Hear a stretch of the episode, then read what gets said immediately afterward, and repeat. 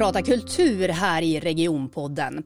Hur är det att vara kulturskapare i Västerbotten och hur får man saker att hända utanför våra tätorter? Jag heter Elin Leonberg och idag ska vi få möta tre av länets stora kulturprofiler. Och alla finns med på länk och från Los Angeles har vi med oss Josefin Forsman från Robertsfors trummis och låtskrivare i Sahara Hot Night. Josefin är också skaparen av Loud Sweden som är ett musikprogram för barn och unga i Robertsfors och Stockholm och som samarbetar med Loud USA som finns på 19 skolor i Los Angeles. Och från Burträsk har vi med oss Johan Linder, en av grundarna till festivalen Nordsken i Skellefteå, som är norra Skandinaviens största spel och nördevent med närmare 10 000 besökare. Johan är inblandad i det mesta som har med spel att göra i Västerbotten. Och så har vi med oss Tina Larsson, verksamhetschef på Ricklundgården i Saxnäs. Ett museum och konstresidens som lockar konstnärer från hela världen. Tina har också drivit fram en satsning på kulturverksamhet i Saxnäs med finansiering från bland annat postlåd, Postkodlotteriet. Roligt att ha er med. Välkomna till Regionpodden. Tackar, tackar. Tack snälla. Det är ju imponerande CVn som ni kommer med. Och jag tänker att vi ska gå rakt på sak. Hur är det att vara kulturskapare i Västerbotten? Om man då framförallt tänker utanför tätorterna. Tina? Ja, eh, det, först och främst så är det ju helt fantastiskt att få vara kulturskapare. Speciellt utanför en storstad eller utanför en tätort. Det är klart att det är jättemånga utmaningar och hinder man måste lösa hela tiden. Och man blir ju hela tiden påmind, eh, ofrivilligt ska jag säga, att man faktiskt är utanför en större stad. Men, eh, och kanske tack vare det också många gånger, så har vi ganska nära till att få hjälp med att lösa alla våra problem. Man lever ju nära jättemånga människor som besitter jättemånga olika kunskaper. Och det gör ju att vägen för mig att fråga en hantverkare, en rörmokare, elektriker eller en eh, präst i kyrkan om det är någonting jag behöver eller vill ha så är den vägen väldigt mycket kortare för vi springer ju på varandra när vi är ute och går med hunden eller på affären eller när vi käkar söndagsmiddag på något ställe här. Så det är absolut utmanande på många sätt, men det är också en stor, en stor fördel att ha all den här kompetensen så nära. Mm. Vad säger du Johan? Ja, men jag kan egentligen bara instämma. Jag, jag, eh, jag flyttade runt ganska mycket i Sverige innan jag kom igång med det här. Eh, jag hade levt i samma by som jag bor nu, i en liten by utanför Burträsk och upplevt liksom bygdegården och alla möjligheter som fanns med den. Och jag tyckte när man bodde i andra städer så, så var det liksom Ja, men det var svårt att komma till skott. Det fanns liksom inte den här samlingslokalen som var gratis eller jätteenkel och liksom alla de här resurserna som fanns runt omkring en var otillgängliga på något sätt. Så att jag, jag tyckte det var jätteskönt att man flyttade tillbaka och kunna liksom använda det här igen. Det är fantastiska resurser att det finns sådana hus tillgängligt. Och det, Ja, men det, det, det gör ju att eh, det blir inte samma kostnadsläge för att bygga saker, inte samma utmaning. Eh, sen finns kanske inte samma pengar som man hittar i städerna men, men eh, ja, man, man, kan bygga en annan typ av kultur ute på landsbygden så det tycker jag är väldigt positivt ändå. Mm. Josefin, Sahara Hot Nights, ni startade i Robertsfors. Hur var, hur var er resa? Ja, precis. Vår resa är ju en jättestor del eh, av anledningen till att jag har sökt mig till Robertsfors också för att fortsätta musikverksamheten. Eh, ja, men vi började ju i tio års ålder, eh, satte ihop det här bandet och eh, fick ju enormt mycket stöd och hjälp. Ehm, och liksom lagom push sådär så att man inte kände en... Det fanns inga krav utan det fanns bara det fanns några liksom eh, musiklärare och, eh, och folk runt omkring som tyckte att det här var ju häftigt och det här var ovanligt och som pushade lagom och eh, gjorde att vi hela tiden kände att det, vi kände lite självförtroende och vi tog nästa steg och vi hade delmål och Eh, var väl kanske också lite sådär eh, redan från början lite eh, målinriktade kan man väl säga. Vi hittade rätt sammansättning personer i den här lilla orten och vi råkade vara liksom i princip grannar. Ehm, så vi hittade replokaler runt om i Robertsfors och så småningom tog vi oss ut till Skellefteå, ehm, gick på musikskola ett år och sen så började vi göra det här på heltid. Så vi eh, är såna här eh, dropouts som man, som man kallar det. Ehm, ja, precis. Men, men Robertsfors betyder ju enormt mycket. Och jättemycket eh, bara genom längtan bort ifrån en ort också. Jag tycker inte att man ska underskatta det utan jag tycker det, det finns någonting fint med att som ungdom eh, i en liten ort också känna den här det här drivet att ta sig därifrån och att man ska få känna det. För jag tror att det är då man också kan känna längtan tillbaks. Alltså att det, det finns, finns någonting sunt i det också. Det ser jag väldigt mycket på de Loud-deltagare som finns. Att det är också en drivkraft inom musik att liksom ta sig därifrån och eh, kunna därmed då se de här fördelarna med en liten ort. Precis som ja, men alla här har pratat om att det här med närheten till, till eh, att få hjälp, eh, att man känner, man känner folk inom olika element som man lätt kan ta till sig och få hjälp av. Så det är väl lite sammanfattat resan. Mm. Och nu har du som, kör du det här projektet då, eh, Loud i Robertsfors bland annat. Eh, berätta lite grann om hur, hur, du, hur du hamnade tillbaka i Robertsfors. Eh, ja, men det var väldigt mycket eh, igen som har beskrivits här redan att det fanns kontakter att dra i där. Eh, och jag har velat ge tillbaks till orten. Jag har känt att det har varit så pass viktigt för oss att vi började i den lilla orten, att det inte fanns hundratusentals andra saker att göra utan man fick vara kreativ själv.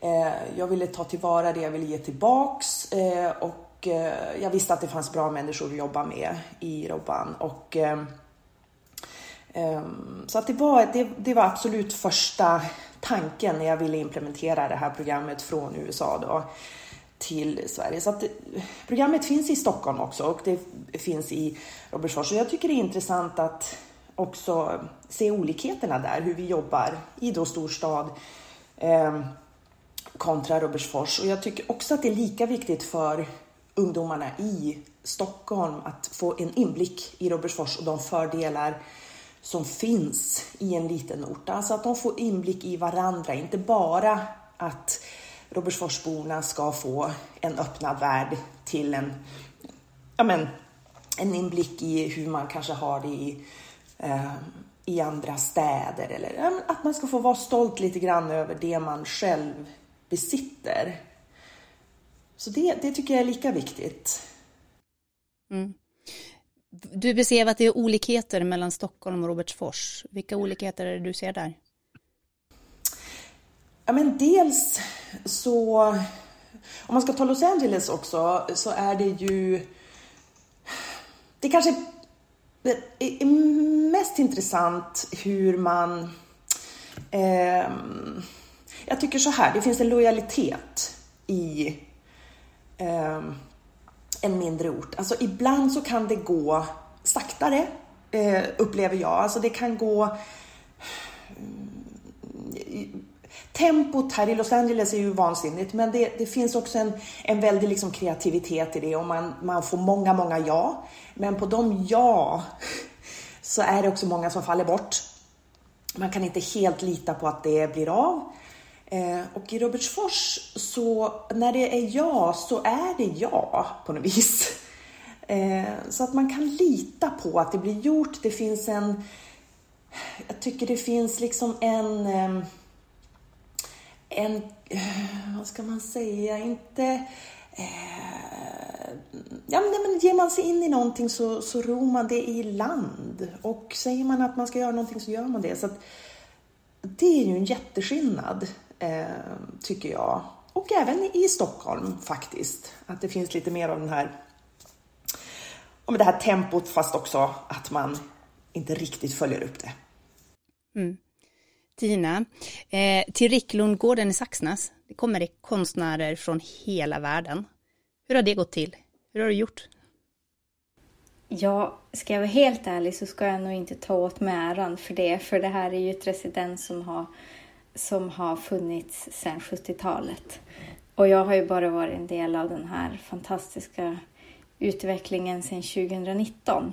Så jag tänker att, att jag har nog inte skapat det. Däremot så för min del så handlar det om att ivarata det och utveckla det vidare.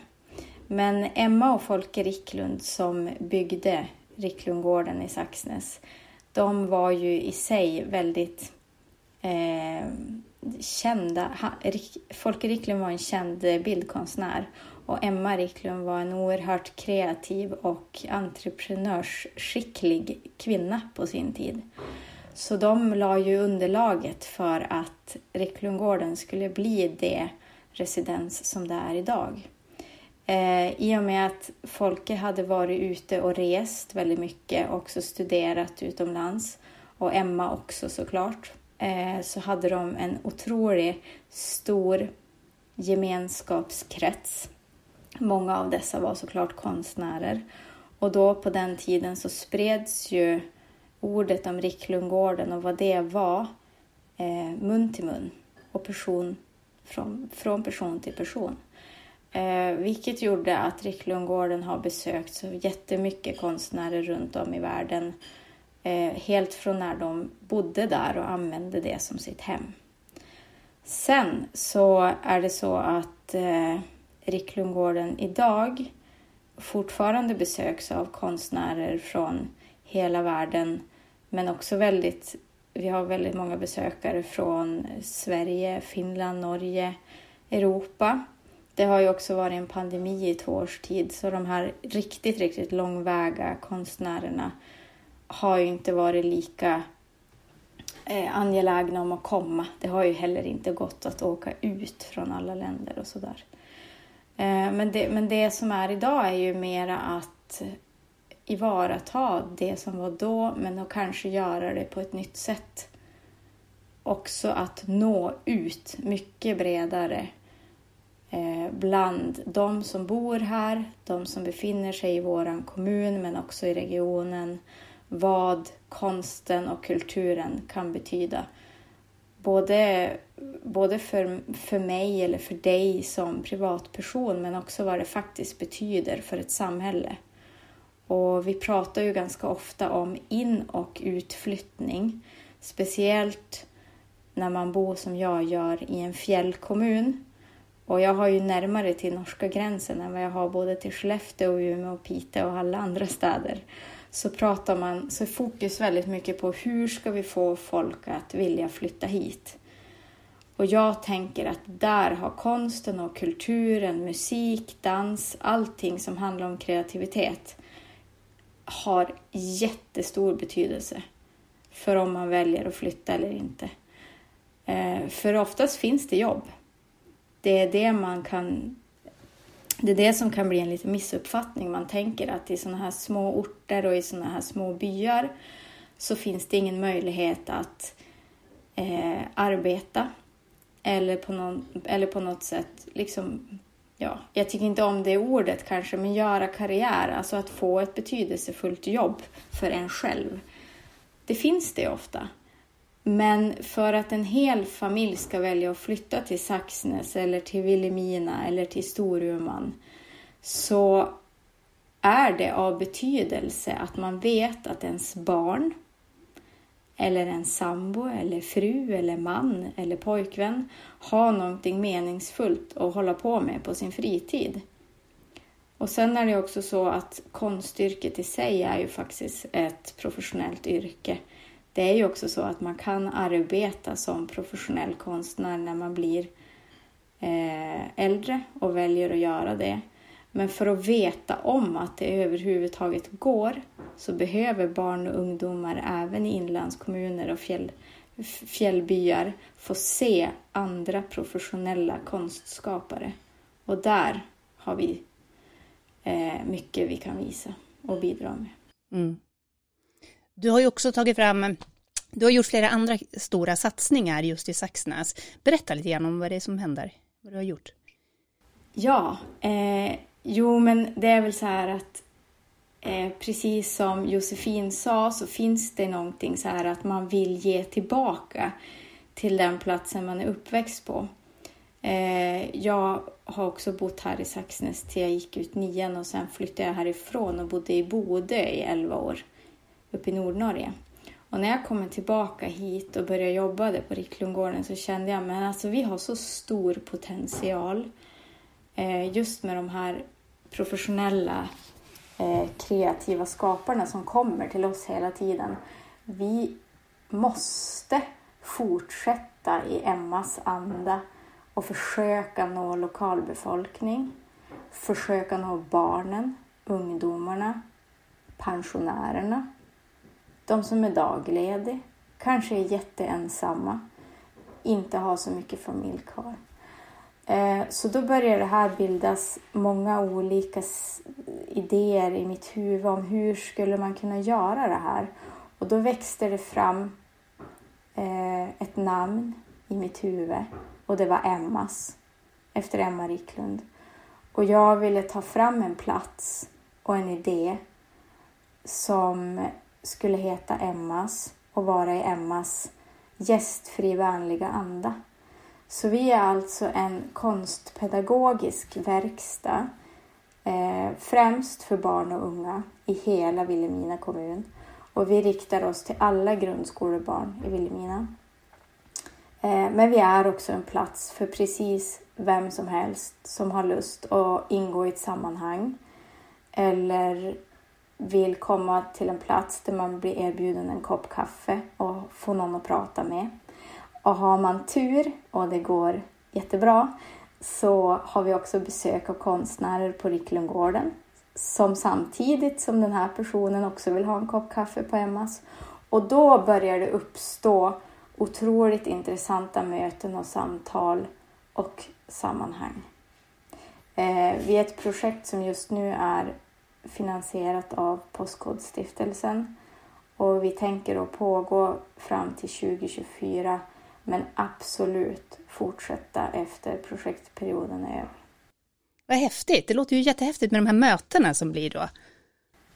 Ja, ja men det är helt otroligt. Alltså, du, du ska se hur det, det, det, var en dag när vi satt och hade öppet där och vi hade vänt på vår skylt för vi har en skylt där det står på ena sidan står öppet och på den andra sidan står det stängt. Och vi har som mål att eh, alltid när det är någon i personalen på plats så ska den där skylten vara öppen. Även om vi egentligen inte har någon verksamhet igång eller så, men bara för att få in folk. Eh, så, så, det kom en tjej helt plötsligt en dag som bor i en närliggande by här som, som, hade bott, som har bott hemma i fyra, fem år. Som jag aldrig ens har sett. Jag visste inte om att hon bodde hemma. Men hon är ju själv en jättekreativ person, håller på mycket med slöjd, tecknar helt fantastiskt, out of this world. Eh, någonting för dig Johan, by the way. Hon gör otroliga karaktärer eh, med inspiration från naturen som är här i Kulsjödalen. Och då kommer hon in bara knackar på dörren. Hej! Eh, är det okej okay för mig att komma in här? Jag är så nyfiken på vad det här är. Och det här är en person som är då dagledig. Eh, och nu är hon hos oss flera dagar i veckan och sitter och skapar tillsammans med oss. Det är ett exempel. Vad härligt. Johan, du har fått sitta och, sitta och lyssna här nu ett tag. Ja, jag blir inspirerad här. Det blir det? ja, och lite tårögd sådär. Ja. fin, fina saker man hör. Men alltså du, Västerbotten har ju blivit lite känd för sin spelindustri också. Mm. Och där är ju du involverad i högsta grad. Varför, varför eh, har vi blivit så bra på spel tror du?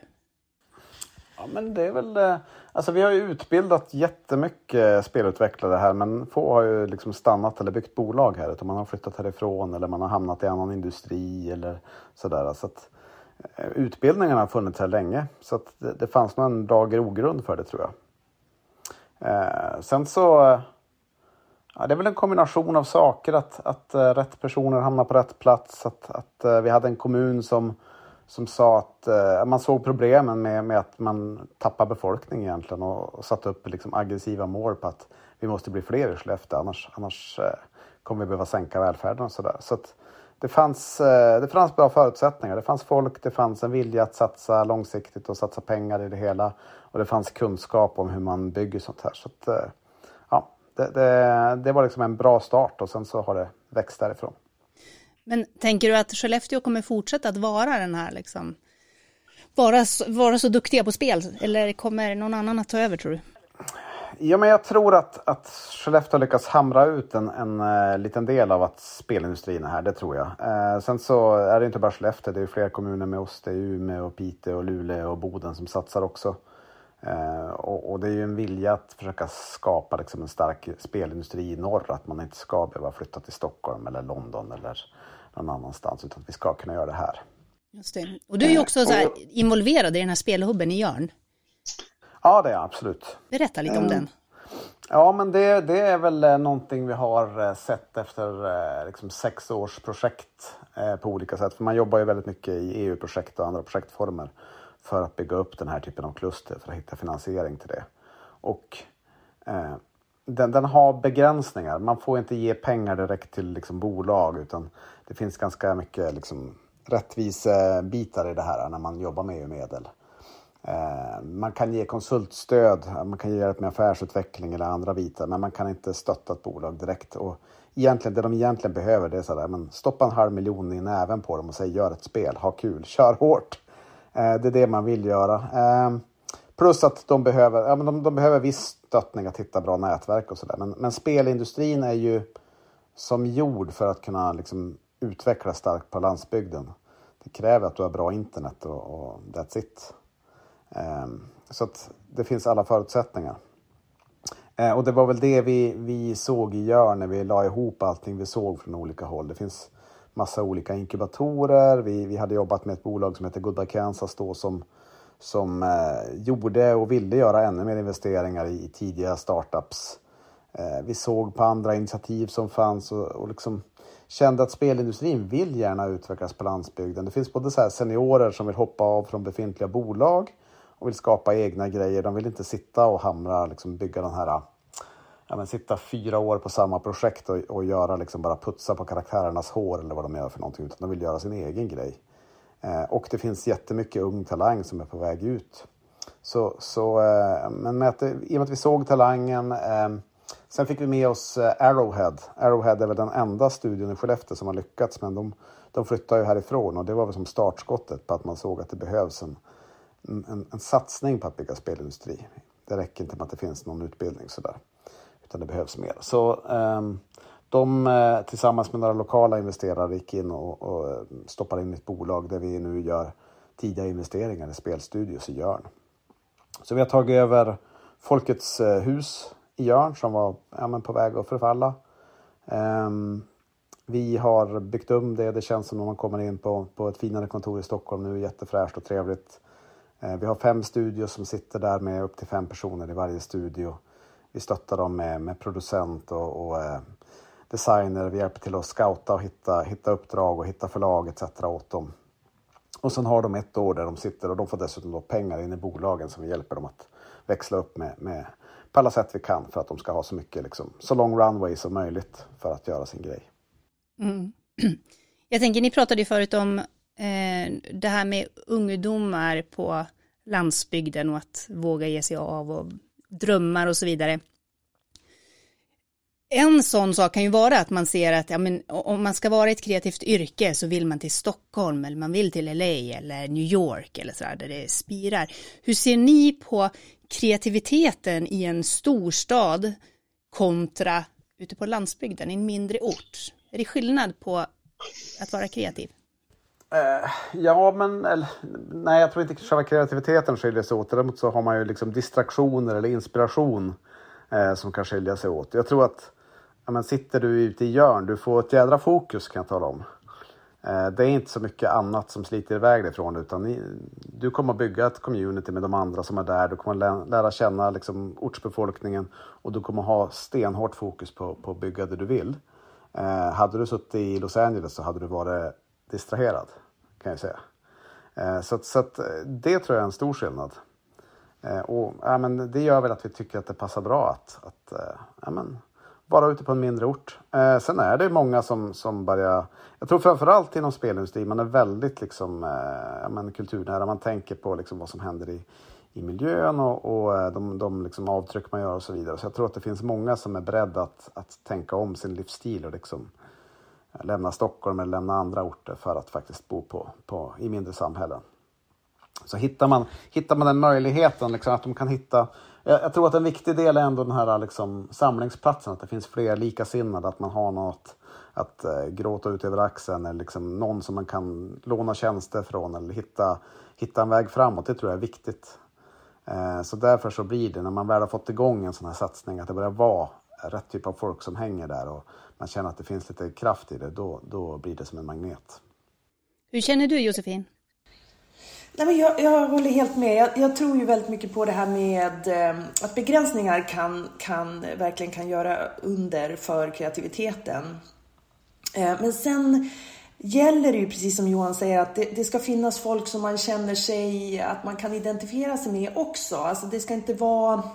Det är det som är fint med att få igång en, en god cirkel, att det, en verksamhet sätter igång som lockar kanske men dels så kan det locka liksom lärare, mentorer som vi ser med Loud från stora städer in till Robertsfors. Ehm, men också att det, det eh, lockar likasinnande att, att, eh, ja, men att träffas, att, att hänga tillsammans. Ehm, så eh, precis, jag, jag, jag, tycker liksom kreativiteten när det gäller det så är ju distraktioner ehm, kan ju vara ett aber alltså. Och det Eh, ja, där har ju en mindre ort en otrolig fördel. Men som sagt, det gäller att få in mångfalden, det gäller att få in eh, likasinnade och få igång den goda cirkeln. Så det finns ju mycket att... Eh, det är väl därför man känner också att det finns, en, liksom, det finns mycket att tillföra. Det fin, känna att, att eh, eh, det är meningsfullt att, att försöka vara, ha ett finger med i det och hjälpa till. Ni pratar om förebilder för unga. Eh, ni blir ju själv äldre, inte för att säga att ni är gamla, men eh, hur funkar det att vara förebild för yngre, för barn och ungdomar, när åren liksom tickar på för en själv? Jag tycker det är intressant det här med ålder, för att jag bor i ett sånt eh, med, jag bor i ett land med liksom världens äldsta president. Eh, det, det, det, liksom, Eh, det finns en helt, ett helt annat sätt på, eh, synsätt på ålder faktiskt. Att, eh, ålder är erfarenhet. Och det finns en ganska, det tycker jag är en, det tycker jag är en väldigt bra grej. Sen i, i Hollywood så, så, är det inte så kul att vara äldre skådespelerska och det finns en otrolig utseendefixering. Men det, om vi liksom lägger bort det så eh, tycker jag, för min del så handlar det väldigt mycket om att eh, känna ett självförtroende i att, att man kommer med en erfarenhet. Varken glamorisera sin ålder eller att liksom underminera den. Men att hela tiden eh, samla på sig ett team med människor som är närmare målgruppen. Alltså att ha det med sig hela tiden. Men lita på att man faktiskt kommer med någonting som kan hjälpa. Och jag tror att jag som 25-åring tillsammans med tio andra 25-åringar hade haft ganska svårt att bli hörd. Eh, så jag tror väldigt mycket på att samarbeta mellan åldrar helt enkelt. Mm. Hur tänker du Tina? Ja, jag måste bara skratta lite grann för att eh, del, jag, har, jag, jag, alltså jag ser inte mig själv som en förebild. Eh, jag, all, jag har aldrig tänkt i det perspektivet. Och så sen så brukar min dotter säga alltid, men mamma du är så himla eh, du är så himla liten och du är så himla ungdomlig. Du skulle lika gärna kunna gå i sexan. Så jag går ju någonstans och tror här att jag är ganska ung också. Jag, glöm, jag glömmer ju bort att jag är 36 år. Eh, för jag, jag, jag, ibland lånar jag min dotters kläder, alltså och hon mina. Så eh, ja, men om eh, jag ska om jag nu ska försöka tänka mig in i det och vara en förebild för yngre personer då, eller ungdomar, så eh, är det väl det att trots sin er, livserfarenhet och alla smällar man har gått på genom livet, både privat men också yrkesmässigt, eh, att inte lägga på de smällarna på barnen eller på ungdomarna och låta dem få upptäcka sina egna begränsningar. Eh, för jag tror att det kan bli väldigt begränsande i sig och skulle vara en person som hela tiden berättar jag gjorde så där, jag är inte så du, eller så där, det där funkade inte för mig, jag testar något annat istället. För jag har lärt mig eh, att det är just på grund av alla fel och alla snekliv som jag har tagit som också har gjort att jag har vågat gå framåt hela vägen. Så utan dem hade det här aldrig hänt. Eh, så jag tycker att det viktigaste är liksom att peppa dem utanför den delen som du också sa Josefin, och pusha dem, inte lägga på någon slags eh, press att man måste. Ehm, och bara vara där. Bara vara där.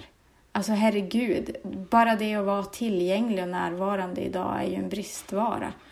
Jag tänker det är sjukt viktigt att jag bara finns om det är någon som vill mig någonting eller behöver hjälp eller har lust att komma på en idé. Tina, vi har lust att, inte vet jag, köra bio ikväll och ha någonstans vi kan laga tacos och gömma oss från våra föräldrar. Skulle du kunna fixa det?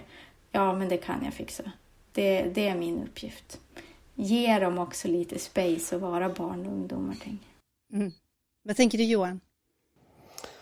Jag tänker eh, på Nordsjön faktiskt. Vi, har haft som en, eh, en eh, titel eller ett, ett, något, något vi har sagt hela tiden att, att vi vill göra om liksom eh, passiva konsumenter till aktiva medskapare. Det har liksom varit en sån här, eh, någonting vi har jobbat med hela tiden i, i vårt event och det tänker jag också kring det här att, att eh, ja men, ja, så, så mycket förebild som jag är så, så tycker jag att den, den, kraften man använder är ju för att skapa saker och visa drivkraft och, och möjliggöra för andra att, att liksom inte bara snöa in och sitta och se på TV, liksom bara, bara sitta fast och konsumera utan göra saker. Så att, eh, jag menar, ju mer vi kan uppmuntra till att de ska skapa någonting, desto bättre. Mm. Har ni upplevt några motgångar då som i era karriärer så där, som är kopplade till att ni inte bo, just då har bott i en storstad? Som är kopplade till platsen så att säga. Det har varit delvis ganska mycket motgångar eller fartgupp på vägen. Och eh, det har varit både blod, svett, svett och tårar många gånger också. Men eh, jag vet inte om det är direkt kopplat till platsen, men det var någon som sa till mig att Tina, du kommer aldrig bli profet i din egen by. För att om, man gör, om man gör någonting bra eller man lyckas med någonting som kanske inte faller alla i smaken, men, men ändå så i det långa loppet kanske det är bra för alla. Men där och då kan det ju vara att det är någon intressekonflikt eller det är någon personlig kontakt som gör att det blir en fnurra på tråden. Ja, men det kan ju vara allt. allt. Det upplever jag har varit svårt och utmanande gånger, många gånger på en liten plats. För oavsett var jag går här, nästan inom hela Vilhelmina kommun, och det är en av de största till ytan sett i Sverige, så vet man vem jag är. Eh, jag är också politiskt engagerad. Jag sitter med i kommunstyrelsen i Vilhelmina. Det har kanske många gånger inte varit till min fördel, likväl som jag ju har lärt mig en politisk process som kan ha varit bra. Men ja, det är det där, man blir aldrig profet i sin egen by, men då får man försöka tänka att ja, men jag gör ju faktiskt inte det här för min skull. Det är ju inte meningen att jag ska bli en profet. Jag gör ju det här för, för andras skull. Eh, men det kan, vara, det kan vara svårt många gånger. Josefin, hur har du upplevt det? Det var inte jätteintressant fråga. Jag tänker så här, jag har haft otroligt många motgångar, men jag tänker om det är kopplat till platsen så där. Och, eh, jag tycker det är väldigt intressant det Tina säger också, just att Alltså dels sådär, hur viktig ska man göra sig, alltså som, är, som profil sådär. Eh, och sen så tänker jag att det är klart att man har lite mer ögon på sig kanske. Eh, och att det i sig kan ju absolut vara en, det finns en fara i det. Att när det börjar, om det skulle liksom börja rämna så kan det göra det på grund av personliga eh, schismer eller eh, Ehm, sådär på ett, annat, på, på, ett annat sätt än vad det kanske skulle göra då i en storstad där det är mer, kanske lite mer anonymt och lite mer eh, lösa trådar mellan folk. Eh, just nu kan jag inte se att, att någon motgång har varit kopplad precis just till Robertsfors. Eh, men, men jag kan se att det kan vara någonting som man kan kanske ha lite grann sådär i åtanke, eller så kanske jag gör det omedvetet att jag tonar ner eh, Antingen så försöker jag visa mig från min allra bästa sida alltid när jag kommer till Robertsfors lite extra för att det är ju svårt att bli profet i sin egen eh, hemort eh, och att jag har det kanske liksom i bakhuvudet hela tiden. Eh, eller så kanske jag trippar lite extra på topp. Jag kanske gör någonting annorlunda i Robertsfors än vad jag gör här i, och i, i Stockholm. Men, men jag har inget konkret liksom just nu som jag tror är kopplat till, till Robertsfors. Mm. Har du eh, känt av något sånt här någon gång Johan?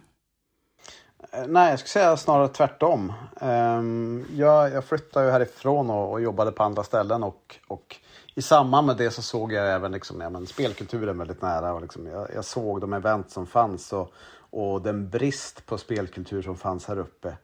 Eh, så det var väl en av tankarna jag hade. Att liksom, flyttar jag hem, jag har så bra nätverk inom det här så ska jag använda det för att bygga upp någonting här uppe. För vi behöver den här kulturen, den är viktig, den sammanför folk på ett bra sätt. Och liksom, ja, men ska, skapa en massa positiva bieffekter. Så, så eh, Eh, när jag flyttade hem så fanns, ja, men då fanns förutsättningar. Skellefteå också. Skellefteå ville och jag var beredd att satsa. Så att, eh, ja, jag skulle säga att det är snarare tack vare platsen som, som det har kunnat bli så bra. Mm. Och apropå förutsättningar då, jag tänker att vi ska hinna prata om det innan vi avslutar. Eh, vad ser ni att det krävs för förutsättningar på en plats för att liksom, få igång ett kulturellt engagemang och för att kunna vara skapande på den och bo kvar på den platsen så att säga. Vad, vad krävs för förutsättningar från samhällets och politikens sida och så där? Och jag tänker det första är ju att det finns en, en, eh, Det har inget med politik eller samhälle att göra utan det har med de andra som är där. Att man hittar likasinnande som, som man liksom hittar energi och, och, och kan dra tillsammans med. Eh, gör man det då kan man flytta berg. Eh, det är det viktigaste. Sen är det klart att, att från politiken, det, det behöver finnas pengar för sånt här på olika sätt. Så, så de typen av kassor som finns eh, gör, det ju, gör det jättebra. Jag, jag, jag ser från vårat håll när vi börjar knäcka koden, liksom, hur man skriver EU-ansökningar, hur, hur man jobbar med, med, med, regionala medel och så vidare. Då börjar vi ju se också så att ja, men okej, nu kan, vi, nu kan vi börja bygga på ett nytt sätt. Det blir, det blir jävligt jobbigt om man ska liksom försöka cirkla ihop till pengarna för, för det man ska göra. Det, det, man behöver hitta mycket pengar snabbt så att man kan fokusera på den, den kultur man vill skapa. Det är väl det viktigaste. Mm. Mm. Jag håller med. Jag, jag, just det här med att skapa teamet. Alltså vi, vi jobbar ju med bandverksamhet i Loud. Jag tycker det är samma sak med ledningen för Loud måste vara ett band. Eh, att man måste hitta liksom sina olika roller och att det är en av fördelarna som sagt i en liten ort och att man kanske känner till vilka som skulle kunna vara lika engagerade, lika passionerade. Ehm, och inom det bandet helt enkelt eh, kommunicera med, med eh, ja, men de, de, som sitter på pengarna och har folk med sig som, som är duktiga på ansökningar och precis det som, det som behövs, samla teamet helt enkelt. Mm. Tina, nu är ju du dessutom politiskt engagerad, men eh, vad, vad, hur går dina tankar? Vad krävs? Liksom? Ja, men exakt. Eh, håller med både Johan och Josefin. Det behövs alla de delarna. Eh, en annan sak jag också tänkt på, eh, inte, inte från själv mitt politiska perspektiv, men, men för mig då som kulturskapare, det är att eh, jag tror det har varit jätteviktigt också att vi på Ricklundgården och på Emmas, vi som jobbar med det, eh, också har visat att vi är fasen beredda att jobba alltså. Vi är inte bara massa, massa människor som sitter här uppe i Saxnäs och vill ha pengar alltså. Vi, vi har lagt ner ett sjukt stort jobb in, innan vi ens har fått den första kronan och någonstans så tänker jag att de här eh, verksamheterna, region, kommun eller Postkodstiftelsen känner det också att ja, men här finns det någon som faktiskt också gör någonting för pengarna. Det är inte bara, det är inte bara ett projekt. Det har, Emmas för exempel har ju egentligen varit igång redan innan vi var igång. Alltså, man, man vet redan vad man ska göra så det är jätteviktigt med, eh, med den biten våga lägga ner tid på drömmen. Eh. Sen ur ett politiskt perspektiv, eh, jag tror också det är viktigt att jag som politiker, men också andra som politiker, vågar, tar modet till sig och satsa på kulturverksamheter utanför städerna. Alltså det finns ju flera exempel, vi är ju tre stycken här, som är goda exempel på att det funkar svinbra och det kanske funkar just så bra för att vi inte är i Umeå, Skellefteå, Piteå, Luleå eller någon annanstans. Vi kan ju också vara ett komplement till kulturverksamheterna i städerna och vi kanske kan erbjuda någonting nytt som de inte har tänkt på. Så ta modet till dig du politiker som lyssnar på det här, att våga satsa på eh, livskraften och framtidstron som finns ute i byarna. Härligt, det där det får bli avslutningsorden. Stort tack för att ni var med i Regionpodden och tack också till dig som har lyssnat. Tackar. Tack så mycket.